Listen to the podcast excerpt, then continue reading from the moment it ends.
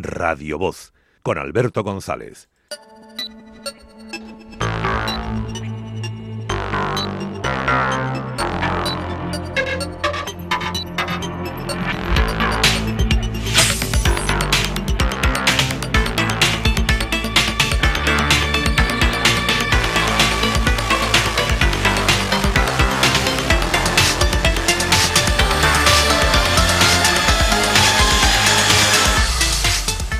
Llega a Zona Wi-Fi a Voces de Compostela con el profesor Xavier Rolán, profesor, ya saben, de Comunicación Digital de la Universidad de Vigo. Hola, profesor, moi buenos días. Hola, moi buenos días, Alberto. Hoxe imos a falar de redes sociais.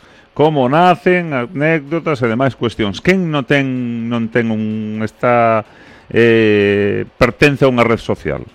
Pois eu creo que ahora mismo moi pouquiñas personas, porque según os datos de, de IAB Spain, aproximadamente o 80 largos por cento dos internautas ten presencia en al menos unha rede social. Ti cantastes? Eh, uf, Todas. Non, no, todas non, todas non. Cada un ten que ter as que é capaz de manter, porque tampouco ten moito sentido abrir unha conta nunha rede social se despois non somos capaces de darlle contido. Isto é unha pregunta, o WhatsApp é unha rede social? Eh, si, eh, sí, estás nun grupo, si. Sí. Sí, sí, no, no, sí que se considera como dentro do universo do social media sí que se considera como como unha rede social, ainda que é unha aplicación de mensaxería instantánea, en termos de, de presenza en redes, se si unha persona ten un smartphone e ten instalado WhatsApp e utiliza, sí que se pode considerar que esa persoa está, está nunha rede social. Eh, contaros, como nacen, como surxen este das redes sociais?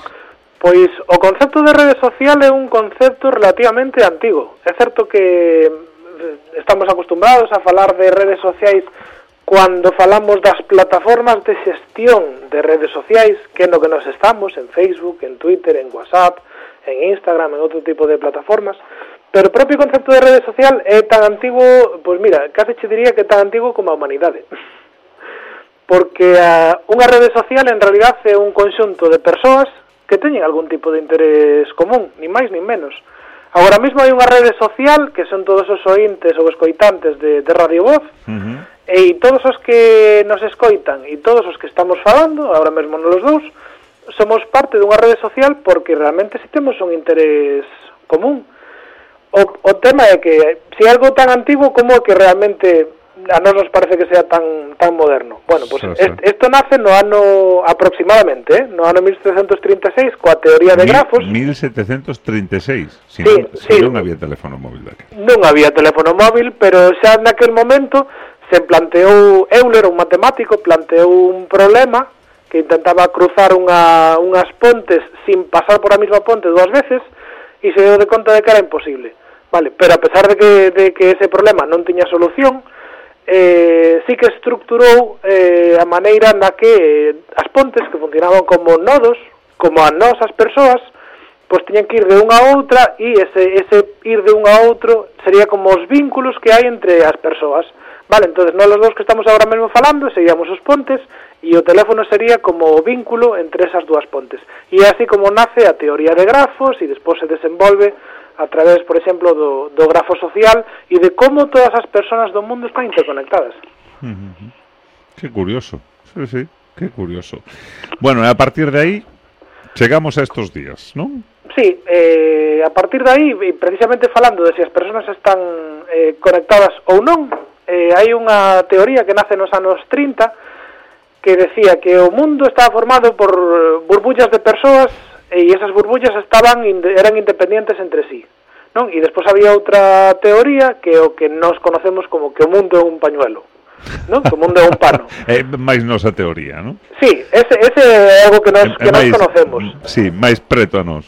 Pois, mira, Alberto, para tratar de averiguar se realmente o mundo é un, é un pequeno mundo, é un pano, eh, o psicólogo Milgram no ano 1967 fixo unha, un experimento tratando de que unhas persoas eh, escollidas ao azar trataran de mandarlle unha carta a outras das que só sabían onde vivían e o posto de traballo.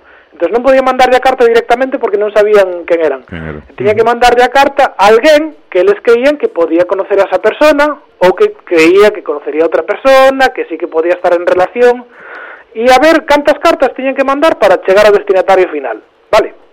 É un, é un pouco o que pasa actualmente cas redes sociales. Efectivamente, é un pouco o que pasa actualmente. Vale, pois esa te, ese experimento derivou no que se conoce como a teoría ou a hipótese dos seis grados de separación.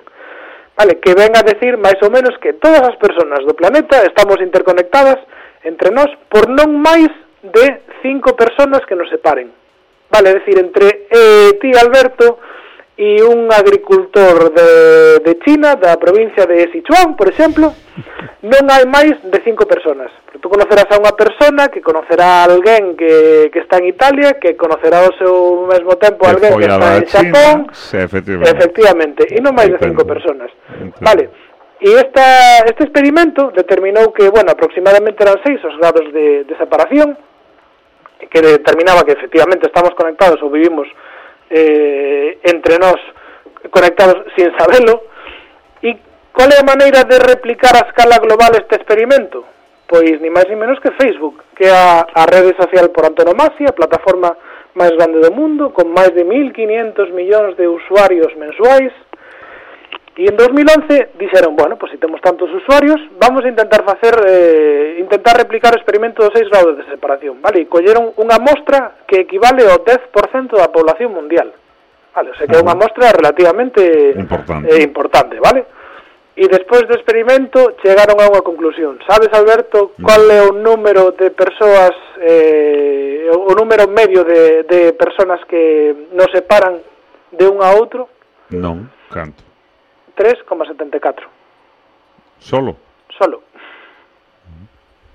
É dicir, que o mundo en realidad é moito máis pequeno do, do que, que nos, parece. nos imaginamos. No, sí, a través digamos, da informática, das redes sociais, de internet, de, de todo este mundo que tratamos aquí na, na, na zona wifi con, con Xavier Roland.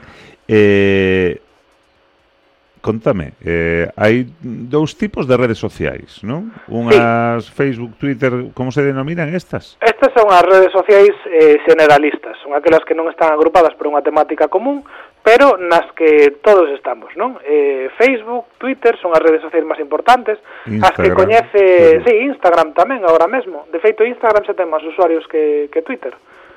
Eh, son as que coñece todo o mundo, eh, son as que, bueno, teñen máis presencia e incluso as persoas maiores pois son as que empezan a estar nelas. A min sorprendeume non hai moito tempo meu, meu pai, que é un señor maior, que, bueno, con, con estudios elementales, e que pues, desde hai pouco tempo pues, ten un teléfono móvil smartphone uh -huh. instalei o WhatsApp e cada pouco teño que estar explicando como se envían as, as cousas pero eh, sorprendeu un día a súa proactividade cando me preguntou que era eso do fervo e do ah. tute do tute. O tute, o tute o coñecemos todos. O tute coñecémoslo todos. A min pues, gustoume moito esa maneira de apropiar o, o nombre dunha palabra estranxeira como Twitter e, e traducila a algo que todos coñecemos, non?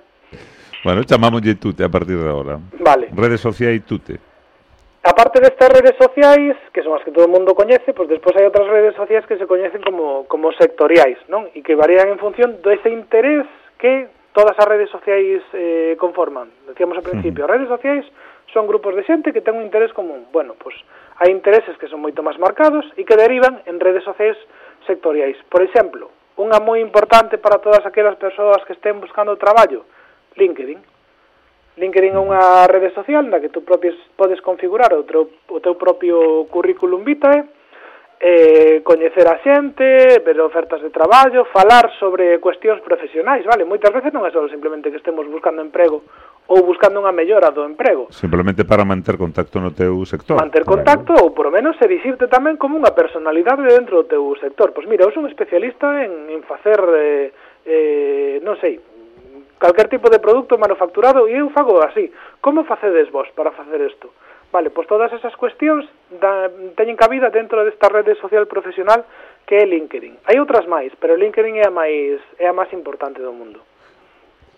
Outras outras sectoriais, destas redes sociais sectoriais, non? Vale. Que estamos eh, falando. Pois mira, para todos aqueles que lles gusta viaxar ou todos aqueles que nos gusta o, o bon comer, por exemplo, hai outras redes que están eh, basadas en neste tipo de, de cuestións e además aproveitan as vantaxes da xeolocalización. localización como TripAdvisor, por exemplo, vale, que podemos ir de viaxe e con esta rede social sabemos que restaurantes ou que locais temos pero é, cerca. É sabe unha rede social ou é unha páxina web? É unha web social. É unha web social. Vale, entonces as cousas que podes, uh -huh. como tú podes crear un perfil público, ou máis ou menos semipúblico, como podes establecer contacto con outro tipo de usuarios e ver as relacións que hai entre eles, se pode considerar como unha rede social. E además se pode instalar nos móviles, aproveitar as ventaxas da xa localización e é super útil cando estades nunha, nunha cidade que, pues, que non coñecedes ou que non sabes moi ben que facer, pois mirades que qual é a oferta cultural ou gastronómica coas valoracións da, dos usuarios que participan nesa comunidade e que non soen equivocarse. Oh, está moi ben, pois apuntamos eh, TripAdvisor tamén como como rede como rede social. Como rede social, si sí, podían. Hai algunha máis? Sí, máis, por exemplo, eh, unha rede social hai eh, podríamos ter redes sociais por cada unha das afeccións eh, que queirades. Hai redes sociais para pádel, vale, que incluso permiten buscar a compañeiros de pádel Ta, tan, para tan de moda xogar. que está agora o pádel, non? Sí, sí, por eso, tan de moda que está, hai unha rede social de pádel que permite buscar compañeiros eh, rivais que máis ou menos teñan o mesmo nivel que a ti, vale? Porque senón eu entendo que para quen lle guste xogar con xente que ten un nivel moito máis baixo, pois é moi aburrido, e xogar con xente que ten un nivel moito máis alto, pois acaba sendo frustrante.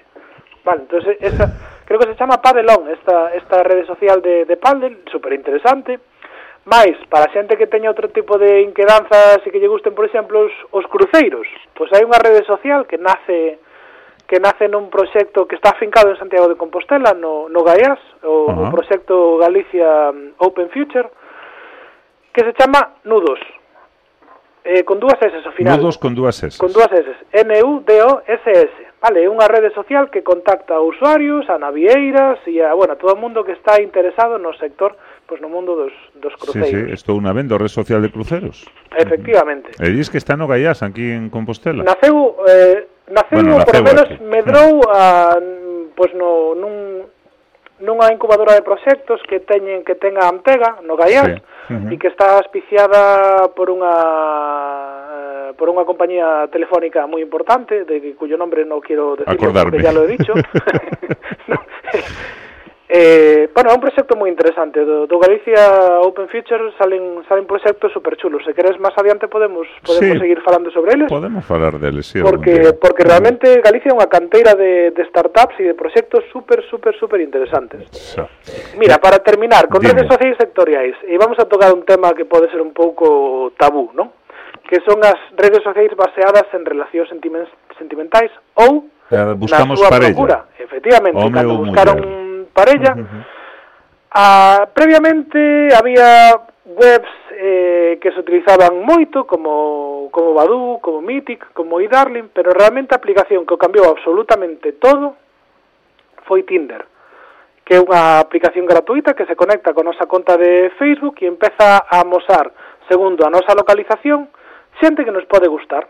Entonces, si tú marcas a esa persona que, que che gusta, que non che gusta, non pasa nada, e se marcas que che gusta e esa persona tamén lle saliu o teu perfil e marca que che gusta, dice, ah, aquí hai un... Aquí hai unha posible un, relación. Sí, chamanlle match. Aquí hai un match, vale? entonces podes falar con esa persona, vale? Porque xa previamente, mm, pois pues a ti parece ese perfil interesante e tú parece interesante a esa persona. Si non, non podrías falar con ela. Uh -huh. E a aplicación que se está comendo o mercado das, das Tinder. citas ahora mismo. Eh, sí, quen este Tinder. buscando parella, vamos a decirlo así, que pode utilizar Tinder a ver se si ten este caso sorte. Eu son máis de, de bar, eh, de calle, de rúa, de pé, non a través de redes, de redes sociais. Pero bueno, tamén as hai. Estamos falando hoxe nesta zona wifi con Xavi Roland precisamente de todo tipo de, de redes sociais que hai neste momento ao alcance, neste caso, de, de, de cada un. Eh, máis cousas curiosas, Xavi. Pois mira, vamos a falar de outro tipo de redes sociais máis curiosas, se queres, porque redes sociais hai, na... bueno, eu creo que hai unha rede social por cada unha das das afeccións que podría haber. Que che gustan moito os gatos? Bueno, pois non pasa nada, tamén hai unha rede social para os amantes dos gatos que se chama Catmoji. Ah. Vale, é como un Pinterest, Pinterest é unha rede social de fotografía, uh -huh. como Instagram, pero pero está baseada en en tableiros e en amosar a información. Instagram é máis a actualidade das, desas fotografías que va subindo, Pinterest é moito máis descansado para, para elaborar eh, tableiros, funciona moi ben na moda, eh, bueno, pois da mesma maneira que hai un que está Pinterest, eh, Catmoji eh, sería o equivalente do Pinterest para, para os gatos, vale? E se mm. eres de cans en vez de ser de gatos, porque xa sabemos que a sociedade está moi polarizada, non? Entre pois, eh, os que os amantes da tortilla de, eh, con cebola ou sin cebola, pois temos os amantes dos gatos ou dos cans. Bueno, para os amantes dos cans, hai unha rede social que se chama Doggy Toki. Doggy Toki. Doggy Toki, Doggy Talki. Ah. O walkie talkie, pero con doggy. poñéndolle doggy de, de can. Para os amantes de, bueno, pues da bebida, da bebida no bo sentido, eh? O sea, me refiro a, a por exemplo, o viño. Hai unha comunidade que é a comunidade máis grande do, do mundo que se chama Vivino, con V as dúas.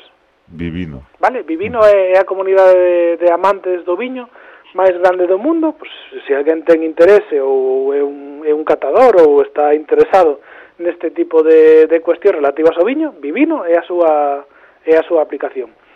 E despois, unha moi moi curiosa, decíache hai uns minutiños que, que Tinder era a aplicación que cambiou todo na, na búsqueda de citas. Sí, sí, de relacións. Pois hai unha aplicación que se chama Hater, Hate, eh, Hater vende odio en, en inglés, que é unha aplicación que permite buscar a, a persoas que odien o mesmo que a ti. Vaya. Vale, entonces o que teñen en común, vale, volvo a falar, as redes sociais non son, non, non son sobre tecnoloxía, son sobre comunicación e sobre persoas e intereses que hai comuns. Qual é o interés que buscan común esta aplicación? As cousas común que se... Odiar o mesmo que nós. Vale, pois eu odio a tortilla de patatas sin cebola. Sin cebola. Ah, pois pues mira, pois eu tamén. Tamén. ¿no? Entonces que se crean grupos a través destas redes sociais, non? E eh, comentas, sí, non? Tú, efectivamente, se buscan perfiles que odian o mesmo que a ti. Entón, o interés non, claro, é que nós estamos acostumbrados a pensar o interés como sempre algo que nos gusta a todos, pero mellor o que nos gusta é o que odiamos ao mesmo tempo. Quer decir, odiamos a mesma cousa, entonces xa temos ese interés común. O sea, para odio en común, a aplicación chamábase Hatter. Hatter, eh, efectivamente, eh, Hater. Hater, que H-A-T-E-R. H-A-T-E-R. Está en inglés, que odiar, vamos. Sí, que vende, vende odio. Vende odio. En, en inglés. Que, bueno, pois eh, eh, logo a miro, eh? A partir das 12 miro un pouco a ver a, se encontro encontro alguén como... Eh, a verdad que non odio. Ti odias a algo ou alguén? Eh, no. Eh, sí, claro, todo o mundo, sí. aínda que non queiramos, todos temos algún tipo de prexuizo ou algo que non nos mm. gusta. Pero que non nos gusta non significa odiar, non? No, eso tamén é certo, que no. non nos guste, bueno, soportámoslo simplemente. Mm, bueno, eh, falamos en lazo co programa do, do mércores pasado, a cada un que se queira eh, pertencer a unha rede social que teña cuidado cos datos que mete na rede social. Sí. Para y, darse de alta. Sobre todo porque hai que ter en conta un, un planteamento que é moi importante. Este tipo de aplicacións son gratuitas. Uh -huh. Vale, e cando algo é gratuito en internet é porque non estás consumindo un produto, senón porque tú eres o propio produto. É dicir, son gratuitas porque tú estás dando unha serie de datos que despois fan con eses datos eh, outras cousas. Non quero alarmar tampouco a audiencia. No, no, non se decir, trata de alarmar, pero sí ter a... Xusto, o que quero decir é que Facebook non é unha ONG.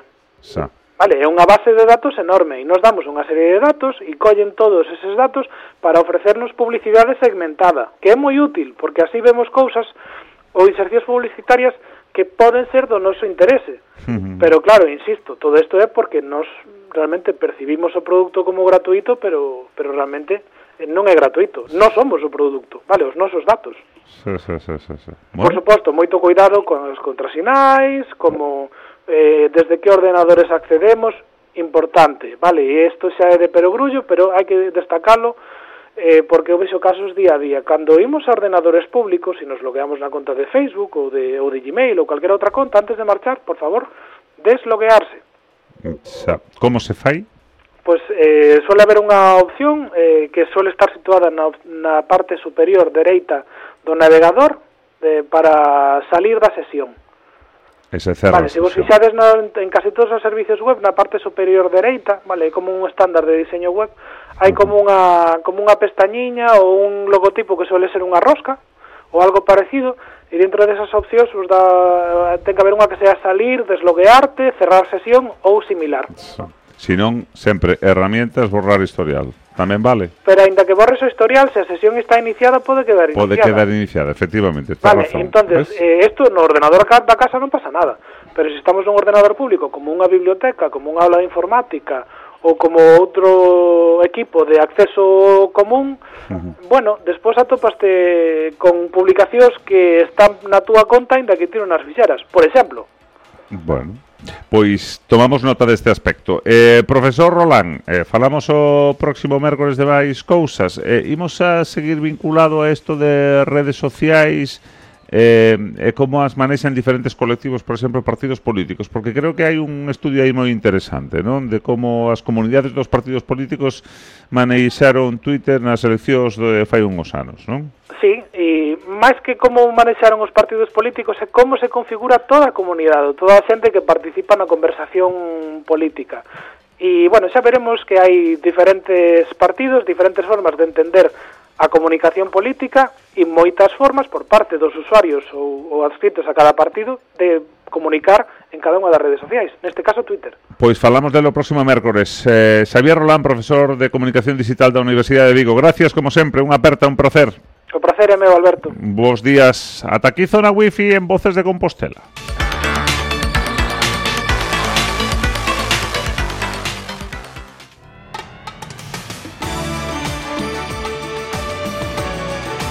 Voces de Compostela con Alberto González.